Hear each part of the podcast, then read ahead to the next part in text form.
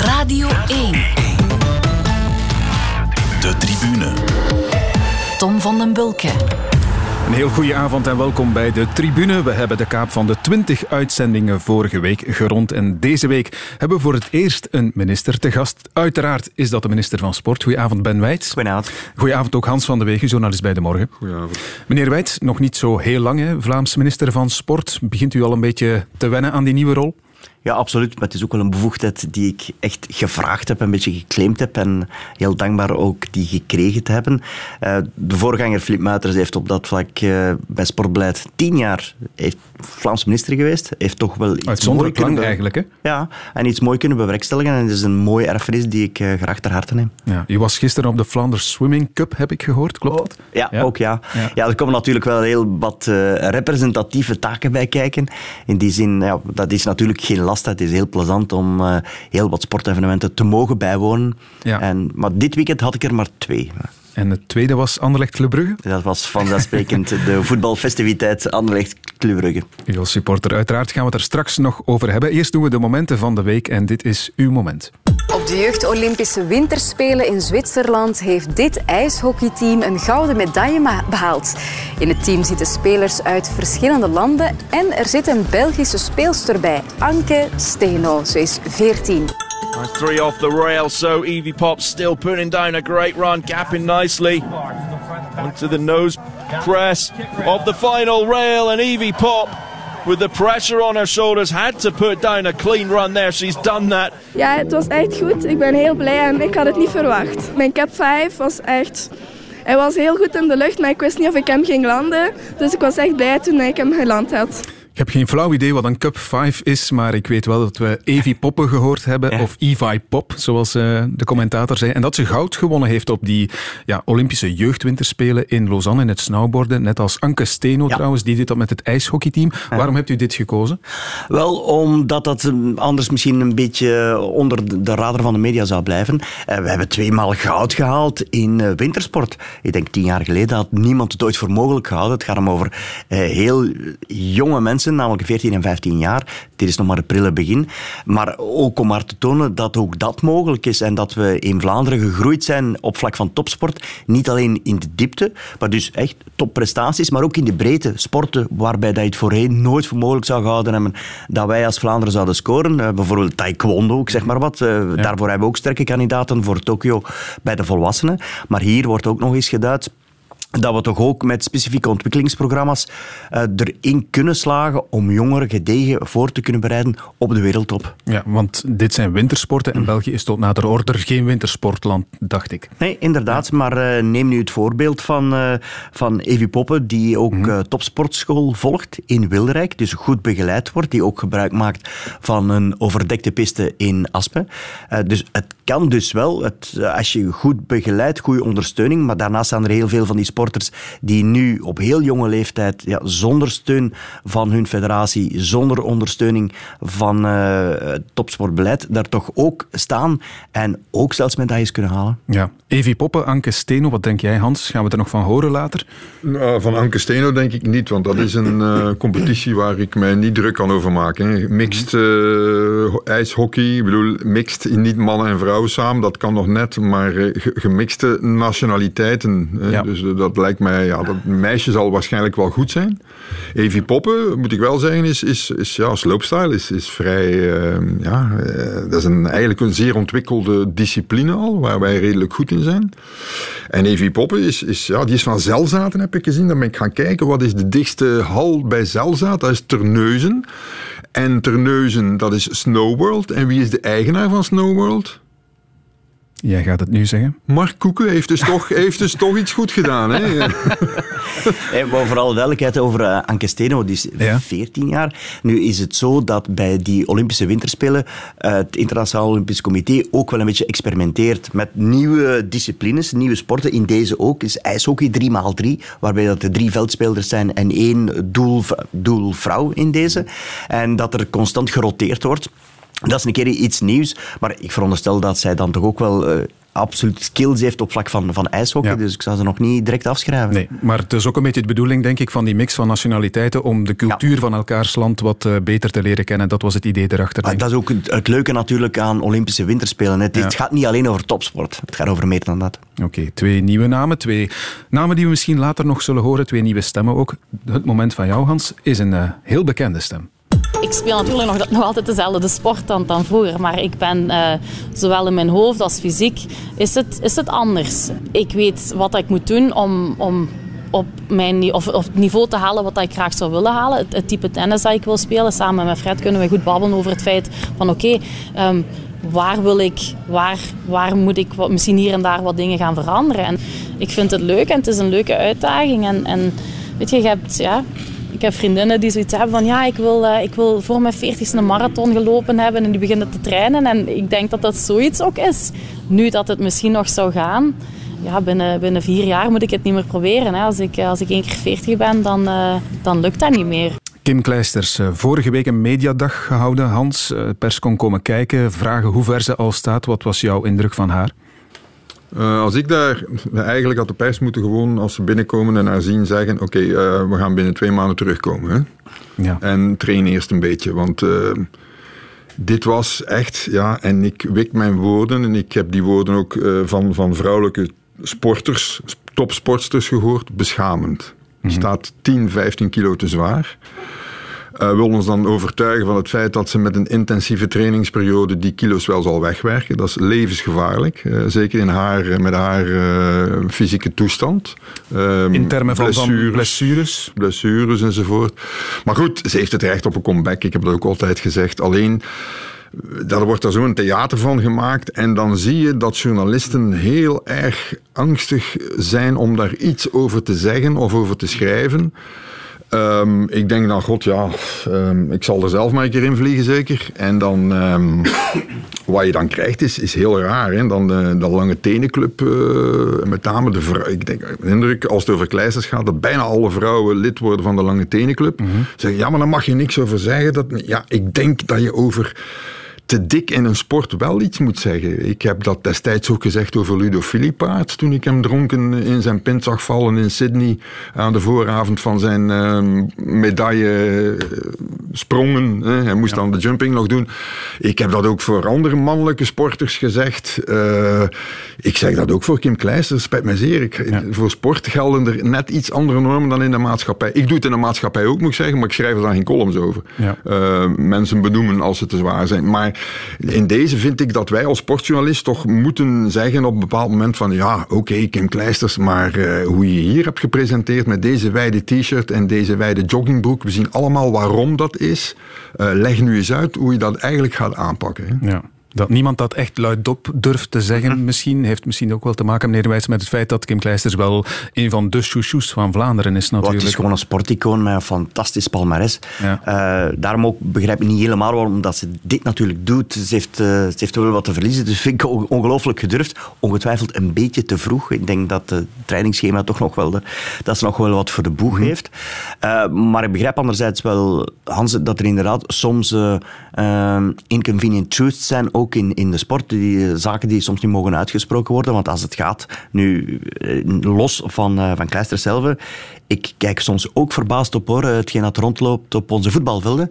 Dat je zo ziet spelers die, en dat vind ik heel, heel erg, dat die stukken van mensen verdienen, maar dat die gewoon 5 tot 10 kilo te zwaar staan. Ik noem dat de, de pizza-uitvoetballers, die dat blijkbaar echt hun, hun professie echt niet au serieus nemen, die wel denken van ik barst van het talent, dus wow, wie doet mij wat? Dat vind ik totaal onbegrijpelijk eh, dat we dat ook toelaten. En dat vind ik ook dat we dat moeten uitspreken. Eh, er zijn spelers eh, die ik ook op Anderlechtse velden gezien heb, dat je denkt, hoe is het mogelijk? Hoe durf je maar hier dit, dit terrein te, te betreden? Ja. Mhm. Nu, Hans, eh, Kim Kleisters heeft natuurlijk, als je het vergelijkt met anderen, wel altijd een, een meer forse fysiek gehad, als ik het zo mag zeggen. Als je dat vergelijkt met bijvoorbeeld eh, Justine Henin vroeger. Maar nu vindt hij het er echt over dan?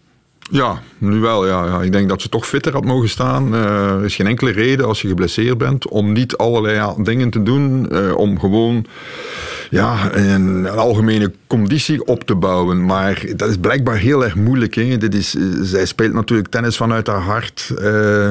En zij speelt graag het spelletje. En al de rest daarbij is natuurlijk allemaal veel te veel. En dat begrijp ik ook wel. Ze heeft dat al jaren moeten doen.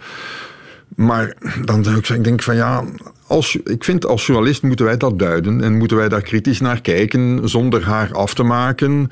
Ehm, maar ehm, mij stoort dan echt dat je daar uh, vandaag de dag, en dat is de laatste tien jaar eigenlijk dat ik dat, ik dat meemaak, dat je vandaag de dag ook met collega's daar gewoon niet meer kunt over praten. Hè? Mhm. Als het over een vrouw gaat en, en die sport en je zegt dat die te dik staat, dan is dat meteen, ben je vrouw onvriendelijk, uh, vrouw vijandig. Ik denk ik helemaal niet vrouw onvriendelijk en vrouw vijandig, alleen ik probeer het te benoemen. Mhm. Punt uit. En ik wens Kim Kleisters alle succes, maar ik vrees dat ze in deze toestand nog wel wat werk voor de boeg heeft. Hè. Ja. Laat ons morgen weten, Hans, of je mailbox overloopt of niet. Hè. Ja, Doen. nu iets anders, voetbal. De tribune. Voetbal met gisteravond de boeiende topper tussen Anderlecht en Club Brugge. Mooie combinatie met Colossin en Salemakers. Hier is Colossin. Kan hij trappen, Colossin? Hij plaatst hem erin. Het is de goal, te geloven. 1-0 veranderlijk, 21 minuten. Antoine Colossin. Een bal tegen de lat en een bal erin. Gok van Frank Verkouteren betaald voorlopig. Wel, wel, wel, wel. 1-0. En een goede, echt goede aanval tussen die twee. Colassin en Salemakers. Breed lachende Mark Koeken, breed lachende Michael Verschuren. Voor even, voor heel even ja, ja, zijn alle zorgen vergeten. Heel even alle zorgen weg. Antoine Colassin, de verrassing van eh, Frank Verkouteren gisteren bij Anderlecht. En meneer Wijts, ik zei het al, u bent supporter. En ik zag dat u enthousiast was eh, gisteravond op Twitter. Ja, absoluut. Ja, ik had al onmiddellijk getweet. Eh, en naar waarheid denk ik, RCA on fire. Maar de brandweer was snel daar ja. om het vuur te blussen. Eh, namelijk in de tweede helft was het toch wel iets minder. Maar vooral toch een mooi match gezien. Dus eh, de winnaars waren zeker elke voetbalsupporter, uh, van welke club dan ook. Twee, heb ik ook veel grinta gezien. En jonge spelers die heel ontspannen en een beetje bevrijd begonnen te voetballen. Ik heb uh, een uitstekende salemakers gezien, uh, Doku, uh, Lokonga ook. een nieuw, een debuut dat een beetje vergeten wordt, namelijk Di Murillo, achterspeler. Mm -hmm. Toch echt wel, die eerste wedstrijden zeer goed. En ook van Krombrugge was outstanding, denk ik. Zoals al het hele seizoen eigenlijk hè, bij hem. Even tussendoor, u hebt het over de brandweerman die RSCA on fire kwam blussen. Dat was uiteraard Hans, Hans van Aken. Vraag over de ene Hans voor de andere Hans die gaat mee naar het EK, denk ik. Kunnen we daar nog aan twijfelen?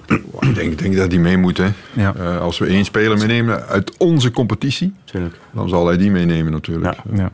Als hij gaat de schoen al niet meegaat, dan weet ik het ook niet meer. Hoor. Ja, goed. Ja, veel concurrentie uiteraard wel op het middenveld. Maar uh, terug naar Anderlecht. Uh, terug nog even naar die Colassin. Als je compagnie hoorde, achteraf hoefde er niet per se meteen een nieuwe spits te komen. Terwijl ik zou denken van, hmm, mm -hmm. dat is misschien een beetje snel gesproken, nee? Ja, je ziet toch nog wel dat in zaken sportief beleid de stemmen niet altijd unisono zijn in Anderlecht. Ik denk dat Verkouteren heel wat, en terecht ook, resultaatsgerichter denkt. Dat is ook zijn job. Uh, Compagnie denkt eerder in functie van het inschakelen van jong talent. Dus daar moet toch een beter evenwicht en, en misschien ook een sterkere hiërarchie komen. Maar goed, dat is het interne beleid. Uh, maar het is wel goed, dat is onmiskenbaar zo, dat door die omstandigheden dat heel wat jong talent bij Anderlecht een kans heeft gekregen. Uh, houdt het niet voor mogelijk, maar we zitten nu met de meeste de jonge ploeg, mhm. ook uh, qua jongens van eigen bodem, hebben wij ook de meest eigen ploeg. Dus zelfs als je vergelijkt bijvoorbeeld met uh, topclubs, hè, noem Club Brugge, ja, daar spelen veel meer buitenlanders dan, uh, dan bij Anderlecht. Dus elk nadeel heeft zijn voordeel. Ook voor Anderlecht denk ik dat er wel wat jong talent zich heeft kunnen tonen. Ja, absoluut. Ze, ze, doen het wel goed in Anderlecht wat dat betreft. Ze hebben echt, die Colassin komt dan weer erop. Dan hebben ze daar nog een paar jongens lopen. Uh, want blijkbaar is die Colassin er al een tijdje. Als ik Hein van Haasbroek gisteravond hoorde, die had hem al gezien. Uh, ja, dan denk je van, god, dat moet een fantastische jeugdopleiding zijn. Dus wat dat betreft is hun politiek, politiek om op die manier door te gaan wel de juiste.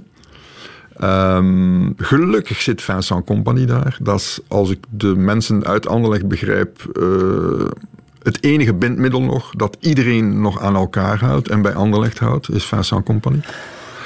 En uh, ja, wat die spits betreft, denk ik ook, ik had ook genoteerd voor mijzelf van ja, dat is allemaal mooi, zo'n debuut. En dan, dat, dat, valt dan allemaal mee. Maar dan die volgende wedstrijd, ja, op. En dan ineens valt hij dan terug. Dus toch maar beter een ervaren spits. Want die Kemar Roof, die is een beetje te vaak geblesseerd. Ja. Een beetje te licht. Hè. Maar ook daar natuurlijk in, in voetbal en voetbalcommentaren, de overdrijving is een permanente stijlfiguur. Hè, waarbij dat ineens uh, een, uh, een club niet meer kan draaien zonder deze of gene speler. Terwijl dat die speler zelfs nu was opgesteld enkele matchen eerder.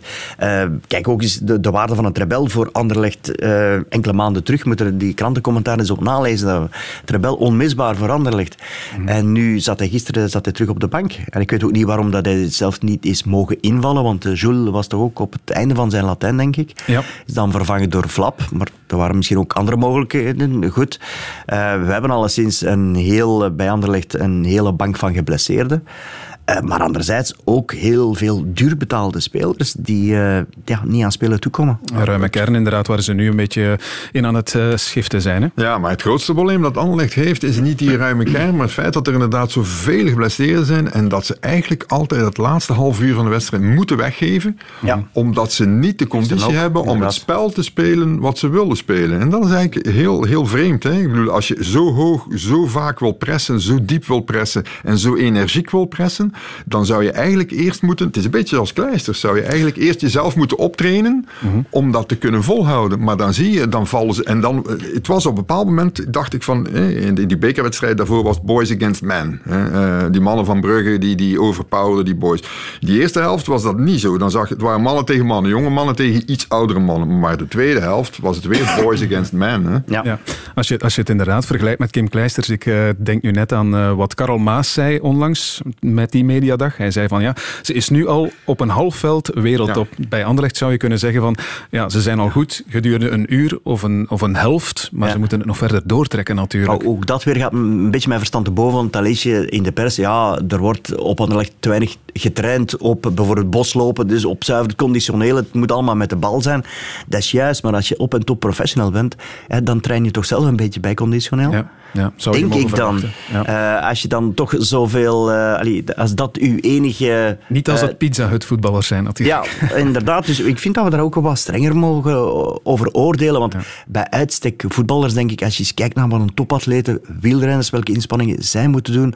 Ik ben absoluut een voetbalfan, maar eh, het stoort mij soms dat eh, ze wat al te veel worden gepamperd. Ja, in elk geval, Anderlecht speelde goed, toch eh, vooral die eerste helft dan. Maar het eindresultaat was natuurlijk nul punten. Wie van jullie gelooft nu nog in play-off 1?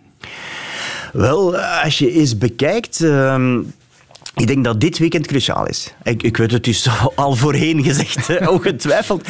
Maar waarom? Omdat eh, er een, eh, de concurrenten die nog meedoen voor dat play-off ticket, namelijk eh, dus Mechelen, Zulte Waregem, Genk en Anderlecht, bekijk eens dit weekend, heb je matchen waarbij dat die drie concurrenten eigenlijk allemaal topploegen treffen. Ik heb het even opgezocht. Mechelen moet op Charleroi, Genk op Gent, Zulte op Antwerpen. Eigenlijk zou het Anderlecht logisch zijn dat die allemaal zonder punten naar huis komen. Anderlecht op Cerkelen maakt iets meer kans. Ja, in dat geval, stel nu dat zij inderdaad die matchen verliezen, Anderlecht wint zijn wedstrijd, dan zit Anderlecht nog op vier punten van Mechelen en van Genk. Mechelen, Anderlecht moet nog naar Mechelen. Dus dan kan de kloof één punt worden.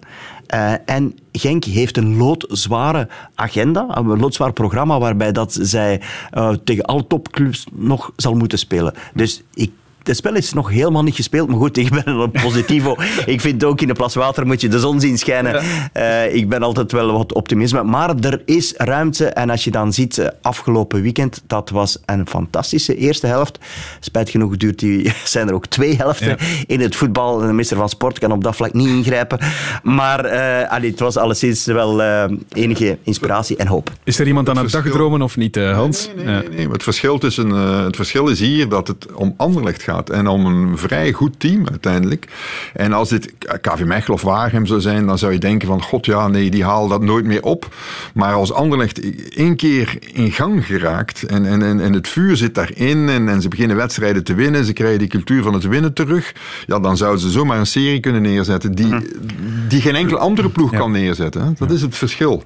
Zit zoveel talent. Afwachten inderdaad wat er gebeurt op het veld. Uh, naast het veld is er ook alweer van alles gebeurd natuurlijk in de bestuurskamer.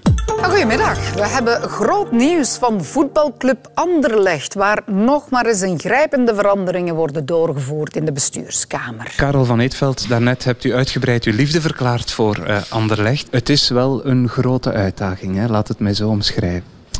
Ja, maar uh, ik hou wel van grote uitdagingen. Uh, ik heb Unizo gedaan, dat was ook een grote uitdaging. Ik ben naar de financiële sector gegaan die ik eigenlijk niet kende. Uh, en nu kom ik naar hier. De uitdaging is ook groot.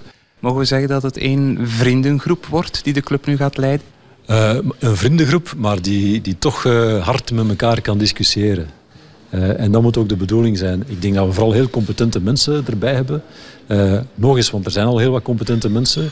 Ik ga ervan uit dat we inside harde discussies gaan hebben. Maar op het einde van de rit moeten we naar één doel gaan. Karel van Eetveld, nieuwe CEO van Anderlecht. Er is ook een uh, nieuwe externe adviseur, nieuwe leden in de raad van bestuur. Wat moeten we daar allemaal van denken, Hans? Um, ja, van Philip Kloze, daar denk ik van dat is een goede zet. Maar of het, uh, of het wel uh, kosher is dat een burgemeester in de raad van bestuur, dat weet ik dus niet. Dan moeten anderen maar over oordelen. Wat Patrick Lefevre daar komt doen, weet ik niet, eerlijk gezegd. Ik heb hem altijd bij Club Brugge gezien en nu zit hij ineens bij Anderlecht. Oké, okay, mij goed.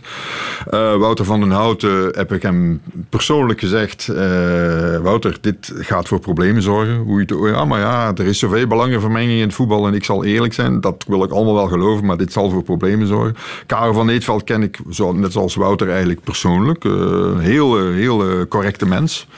Heel enthousiaste, gezellige man eigenlijk ook. En ik ken hem ook professioneel, heb ik hem ook eigenlijk meegemaakt. bij, toen ik bij de Wielerbond zat, een paar keer, want hij deed dan de Vlaamse Wielerschool en zo. En het is een bruggenbouwer. Het is een man die heel correct en direct kan zeggen waar het op staat, zonder mensen te beledigen. Iets wat ik bijvoorbeeld niet heb. Hè. Maar hij heeft dat dus wel en uh, hij kan dat heel erg goed. Uh, of dat natuurlijk de manier is om bij Anderlecht nu de zaken recht te trekken, dat, daar moeten we hem het voordeel van de twijfel nog ja. geven natuurlijk. Oké, okay. ik kom eerst even terug op de naam van Philip Kloze, want we zitten hier tenslotte met een politicus in uh -huh. de studio. Um, ja, een politicus in de raad van besturen van Anderlecht. Hoe bekijkt u dat? Vooral duidelijkheid gaat om over de burgemeester van Brussel. Ja. Niet het gewest Brussel, de stad Brussel. Eh, waarbij dat hij geen bevoegdheid heeft op het grondgebied van Anderlecht. Dus dat is toch wel een nuance die dat je moet aanbrengen. Ik snap natuurlijk dat, uh, dat men bij Anderlecht dat doet, om, al was maar om een klein beetje communautair evenwicht. Want Mark Koek heeft natuurlijk ervoor gezorgd dat er een heel grote instroom is geweest van heel wat Vlamingen die ondertussen de topjobs innemen uh, bij Sporting Club Anderlecht. Ja. En ik denk dat dat een beetje een tegengewicht is. Ja, proof of the pudding is in the eating. Nu, ik ken Kloze nu zelf persoonlijk. Uh, mocht ik een PS'er moeten kiezen, dan zou ik ook bij Kloze uitkomen. Het is wel een gedegen, uh, gedegen man, uh, die toch wars is van, of, of niet te associëren valt met een bepaald, beeld dat wij van sommige PS'ers zouden hebben. Ja.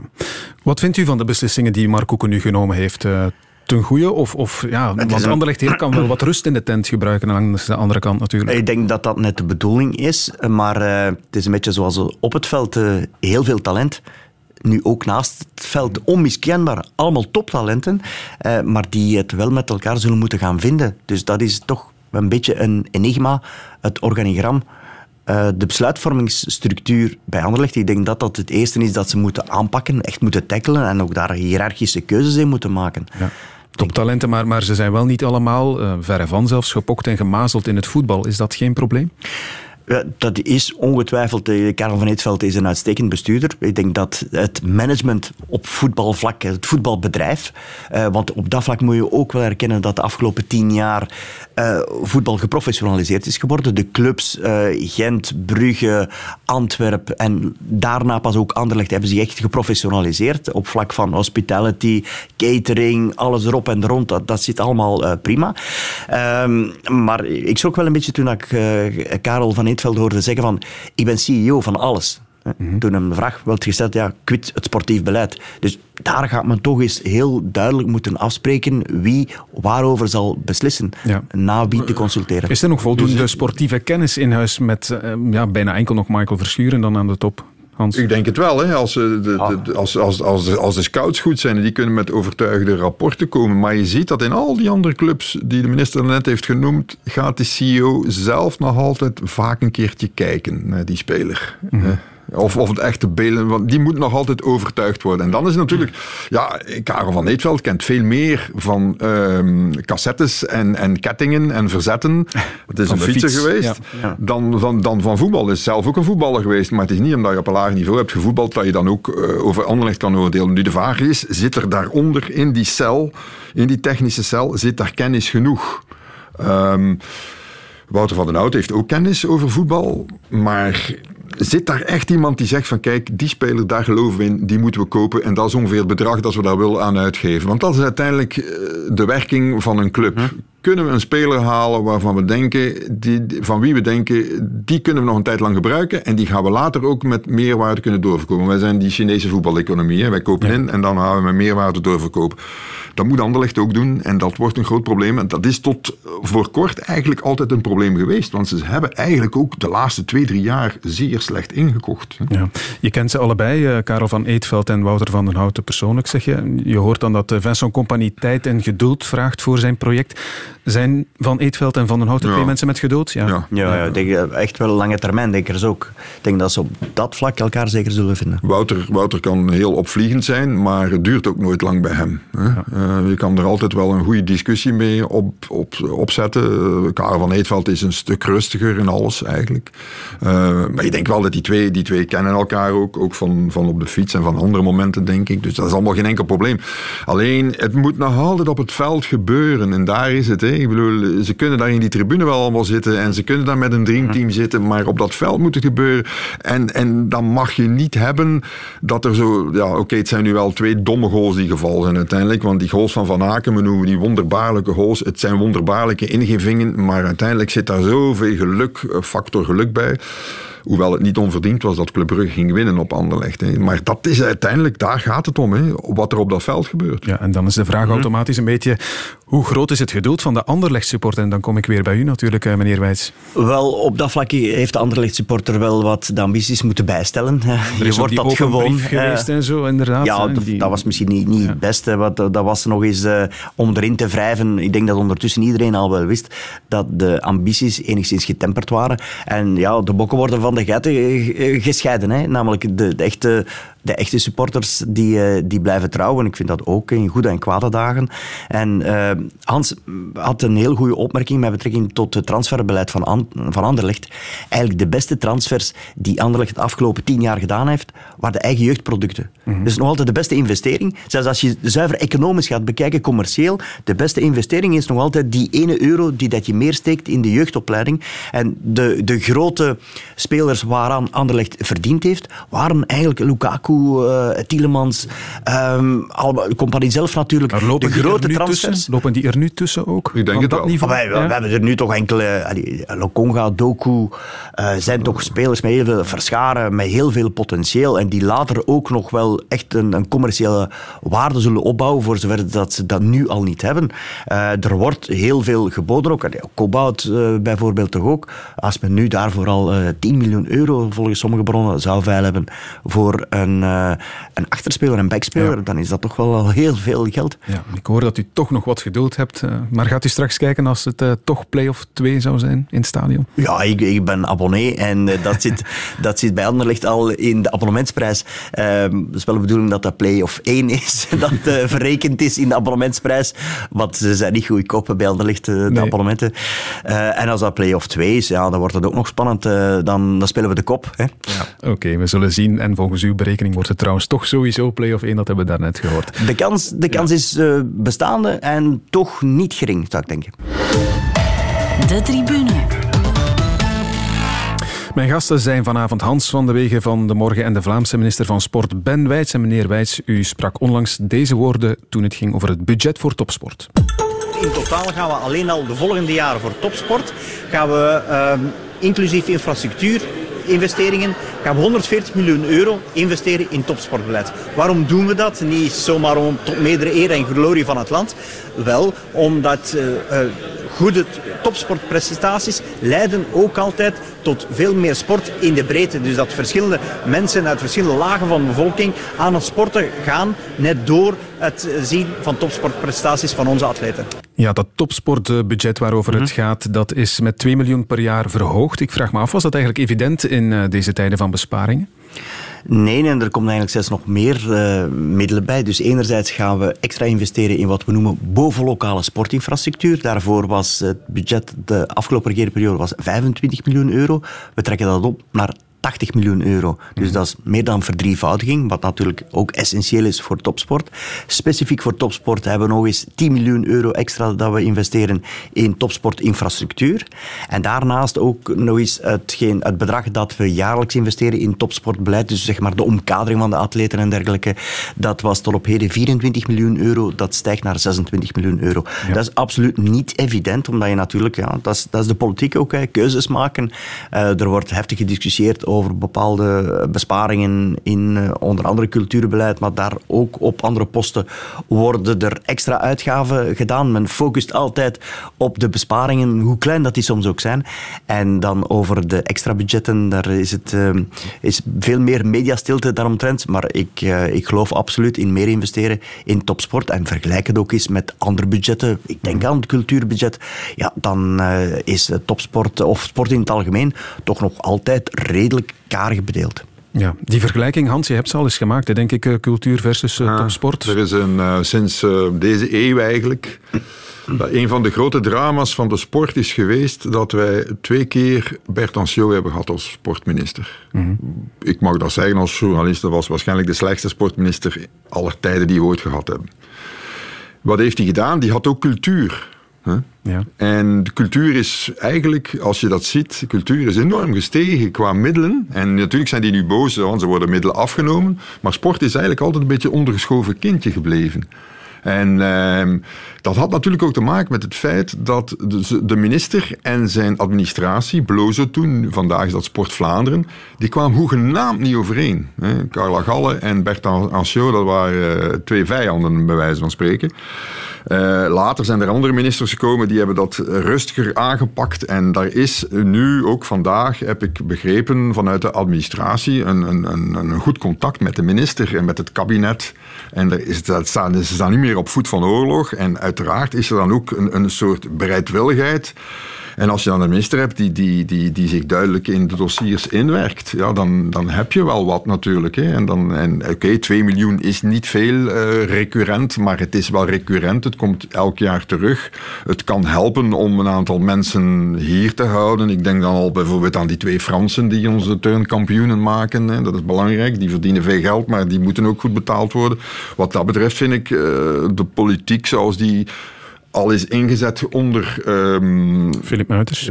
ja, maar wat Sport Vlaanderen heeft uitgetekend samen met, met Muiters en daarvoor eigenlijk ook al van we gaan investeren, we gaan keuzes maken, is die, dat is de juiste politiek geble- gebleken. Ja. Ja. Ehm, ja, als je die cijfers vergelijkt, omdat het nu toch over sport en cultuur ging. Ik denk dat ik het in een stuk van jou gelezen heb, eh, Hans. Je had eh, ons totale jaarbudget voor topsport 157 miljoen. En het eh, totale... Voor sport, voor sport. Voor topsport en infrastructuur, denk ik ook. Ja. En dan daartegenover 508 miljoen voor cultuur. Wordt eh, sport dan toch nog niet een beetje stiefmoederlijk behandeld? Maar je kan natuurlijk zo alle budgetten tegen elkaar gaan afwegen en dan zal er altijd een winnaar en een verliezer zijn. Ik eh, prijs me gelukkig dat we erin geslaagd zijn om deze budgetten tegen de trend misschien, eh, de algemene trend in, om die gevoelig te verhogen. Eh, ik denk dat het een, een prima zaak is dat we kunnen investeren, vooral in de omkadering, in coaches. Dat is echt iets dat eh, buiten het voetlicht blijft. Maar eh, talent alleen volstaat niet eh, voor atleten. Het is vooral hun omkadering, hun ons- ondersteuning. En op dat vlak moeten we nog veel meer oog hebben voor de coaches en de professionalisering van de coaches. Ja, Hans, nu we toch aan het vergelijken zijn, oké, het ene budget tegenover het andere, maar vergelijk misschien ook eens eh, met eh, de andere kant van de taalgrens. Hoe zit dit aan de Franstalige kant? Oei. Oei.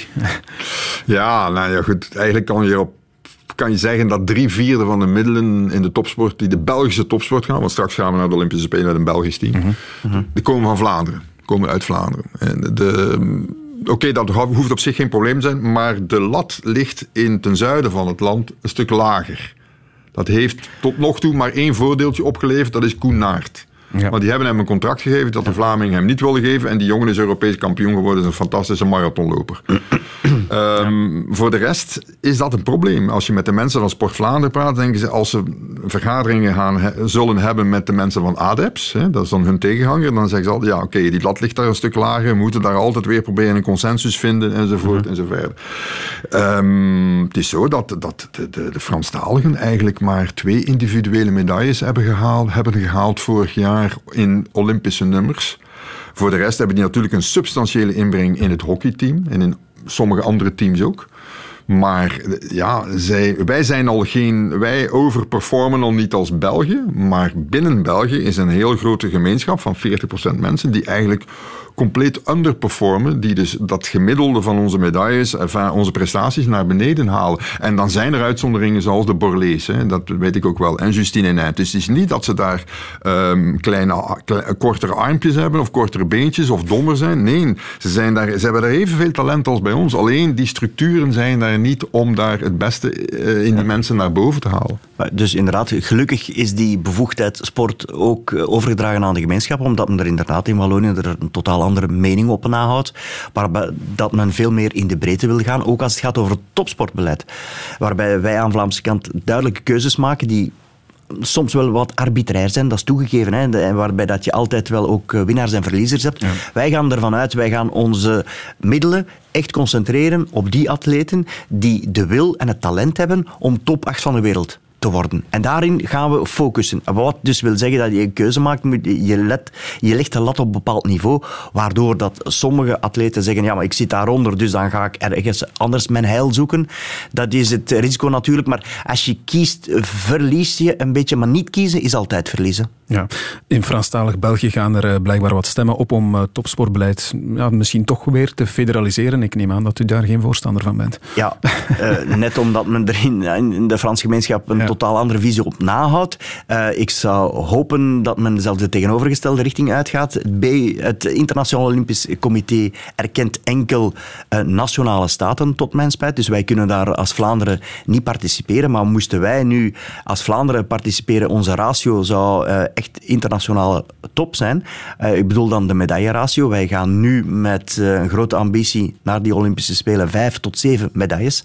Dus de medaillehonger is groot. En spreek enkel over de zogenaamde Vlaamse medailles. Uh, denk aan uh, Franstalige zijde ook nog een stuk of twee. Dus de, het ambitieniveau ligt op een, een tiental medailles. Wel, denk eens terug in het verleden. De, de wilde is nog nooit zo groot geweest. Ja. Zowel in de, in de diepte Namelijk eh, de aspiraties in zaken het podium die dat we mogen koesteren. Maar ook in de breedte. Bepaalde sporten had je tien jaar geleden nooit, voor, nooit gedacht dat we daarin zouden excelleren. Zoals taekwondo uh, bijvoorbeeld. Uh, maar vandaag staan we er wel.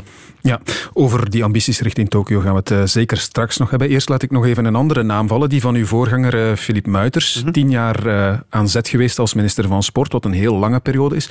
Weet u al of u andere accenten wil leggen en zo ja, wat die dan zijn?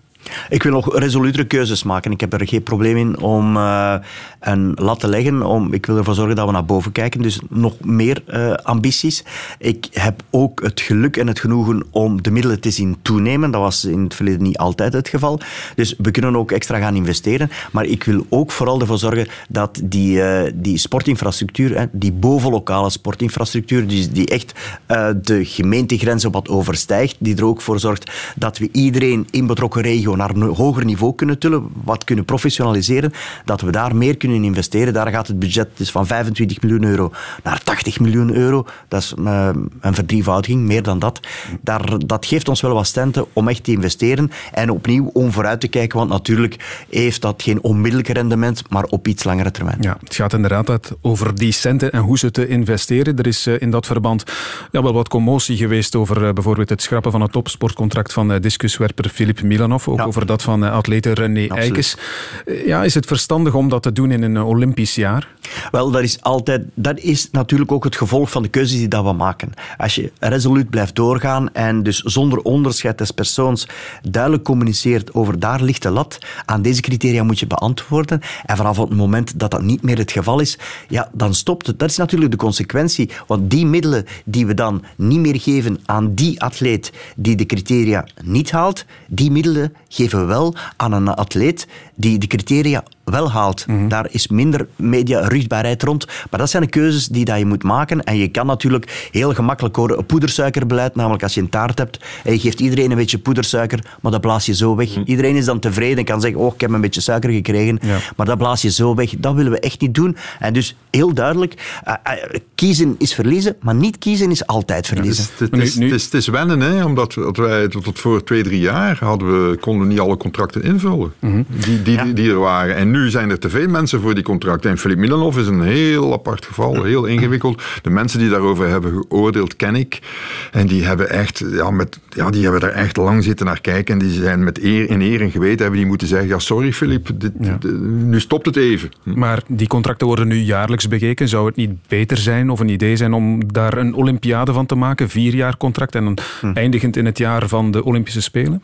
Maar zijn geval was natuurlijk, is hij heeft hij een contract gekregen op basis van zijn prestaties in 2015. Sinds 2015 heeft hij eigenlijk geen noemenswaardige grote prestaties meer geleverd. Men heeft hem een paar keer gewaarschuwd. Hij heeft een technisch directeur gekregen die wel medailles heeft gehaald, weliswaar niet op de Spelen, maar op WK's. eh, Rutger Smit, een Nederlander. Daar luisteren ze ook niet naar. Eh, nu is Jacqueline Goormachtig aangesteld, heb ik gezien. Een Nederlandse, als, als technisch directeur ook voor het werpen. Eh, hoe het daar zal mee gaan, weet ik niet. Maar per saldo gaat hij er eigenlijk niet op achteruit. Hij zal tot, tot en met de Spelen een, een, een, een loon kunnen hebben. Zijn kosten zullen worden betaald. Ehm, alleen de familie Milanov, ehm, begrijp ik ook wel. Dat zijn mensen die uit Bulgarije zijn semi-weggevlucht, vader dan toch. eh, hier een toekomst opgebouwd. En die zien nu een stuk van een, een, de bodem onder hun eh, voeten weggeslagen door die verschrikkelijke mensen van de administratie. Maar uiteindelijk hebben ze hem al een paar maanden gewaarschuwd van kijk, het moet anders, het moet beter. En het is niet beter gegaan. Ja, dan moet je durven keuzes maken. En dat is hier gebeurd. Minder dan een half jaar ondertussen zijn we verwijderd van die Olympische Spelen in Tokio. Ons land, u hebt het al even gezegd, meneer Wijts, trekt daar naartoe met de flinke ambities. U was in december ook op de Olympische stage in eh, Turkije en ook daar ging het uiteraard over Tokio 2020. Er is een studie geweest van Gracenote, een internationaal onderzoeksbureau, dat een inschatting maakt, een prognose, zeven Vlaamse medailles volgend jaar in Tokio. Realistisch volgens u? De ambities hebben nog nooit zo hoog gelegen. Maar ik denk wel terecht, het volstaat om te verwijzen naar dat internationaal ratingbureau. Dat toch wel met enige kennis van zaken oordeelt. En dus we leggen ook daar de lat voor ons. En ik hoop dat we eraan gaan kunnen beantwoorden. Maar het zou wel ongelooflijk fantastisch zijn moesten we dat kunnen behalen. Ja, zeven medailles. U hebt het wel degelijk over Vlaamse medailles dan. Ja, zelfs alleen over Vlaamse medailles. Dus vijf à zeven, eh, dat eh, is het ambitieniveau. En dan aan Franstalige zijde ook nog eh, twee à drie. Dus voor heel de delegatie gaat het over het ambitieniveau op tien medailles. Is dit eh, realistisch inderdaad, Hans? Eh, eerst en vooral, Grace Note zit er elke vier jaar compleet naast. Dus eh, ik ken die mensen wel goed. Ja, dat is natuurlijk heel moeilijk te voorspellen. Het is niet dat ze onkundig zijn natuurlijk, maar het is heel moeilijk te... voor- Je weet, voorspellen in de sport, de wet Koen Meulenaar heet dat. En, en, en dan ga je altijd op je bekken. Inderdaad. Dus eh, ik, ik durf wel altijd de medailles te voorspellen. Ik denk dat België er zes, zes à zeven zal meenemen uit... en waarom denk ik dat? We hebben inderdaad een veel beter sportbeleid al een, een tijd lang. We hebben ook veel betere sportresultaten. We hebben meer top 8 plaatsen dan ooit. Maar je hangt voor medailles af van generaties. En daar zie je dat, dat er toch Nafitiam een beetje terugvalt en zo. Je zie je dat er toch een aantal mensen blijven hangen. Dus ik vrees dat eh, we zullen waarschijnlijk wel qua top 8 plaatsen eh, beter scoren dan ooit. Maar het resultaat van, van Atlanta zal volgens mij nog altijd het beste zijn. Namelijk op een totaal van 843 te winnen medailles hadden wij er zes. Vandaag zijn er 250 medailles meer, of in Tokio 250 medailles meer te verdienen dan in Atlanta. Maar de concurrentie is ook veel zwaarder geworden. Eh, De toplanden die pakken meer medailles dan ooit. En de kleinere landen focussen zich op sporten waar ze zeggen van daar zijn we goed in en daar gooien we alles in. Wat eigenlijk wat, wat Vlaanderen en België ook doet, namelijk keuzes maken. Dat doet pakken wij een land als Fiji ook. En vandaar dat zij gouden medaille hebben gewonnen in het rugby sevens. Ja. Daar komen wij dus niet meer aan te pas. Maar vreemd genoeg natuurlijk, al die nieuwe sporten die er nu bij komen, die 250 medailles sinds Atlanta, daar zijn wij niet zo sterk in. Dat is een beetje vervelend natuurlijk. Ja, kleinere landen die zich eh, toespitsen op eh, bepaalde sporten, inderdaad. Je hebt daarvoor ook infrastructuur nodig, uiteraard. Ehm, ik denk dan maar aan uh, schaatser Bart Swings, net nog maar Europees kampioen geworden op de, op de massastart. Gaat hij het nog meemaken dat er een 400 meter schaatsbaan komt in België? Ha, wel, we zijn met zo'n dossier in concreto bezig. Uh, daar ja. moeten we nog de, de laatste ja, hand leggen aan het eh, totale financieringsplaatje. Ik eh, ben daar uh, optimistisch gestemd, maar het is een, wel een heuse, het is een grote investering. En dan nog in uh, een schaatsbaan 400 meter. Het is, het is on-Vlaams, zou ik bijna zeggen. Maar dat gaat er ons toch niet van weerhouden om effectief dat dossier tot een goed einde te brengen. Ah, dus die schaatsbaan komt er? Nog altijd in West-Vlaanderen? Dat, dat heb ik nog altijd niet, ah. niet gezegd. En over de locaties mag je ook speculeren.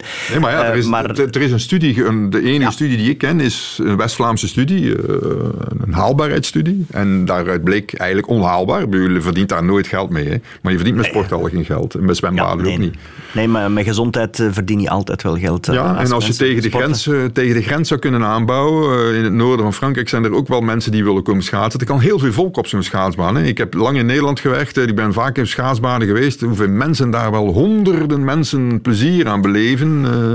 ja. dat lijkt me wel wat. Zou het een, een volgens jou dan terecht financiële ja. inspanning zijn? Want goed, er worden bedragen genoemd, ik denk tussen de 20 en de 40 miljoen. Ik ga je zeggen waarom dat, waarom dat het, als wij, uh, wij zijn een topskielerland wel, dan moeten we ook een topschaatsland durven zijn. Want skiederen en schaatsen hebben zoveel gemeen. Je ziet dat nu met Bart, bij Bart Swings. Maar we zijn ook een topwielerland.